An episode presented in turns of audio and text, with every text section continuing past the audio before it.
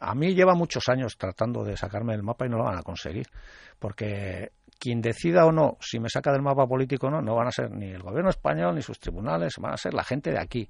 Y de momento la gente de aquí quiere que esté en el mapa. Y yo le puedo asegurar que voy a estar en el mapa los siguientes cuatro años, bastante más de lo que quisieran.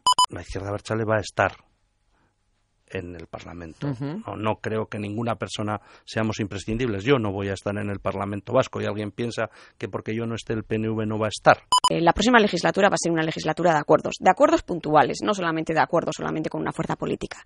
Y el Carrequín Podemos estamos en una situación muy privilegiada, para empezar, porque no tenemos una mochila. Una mochila de un pasado que pesa, duele y que hay mucho sufrimiento.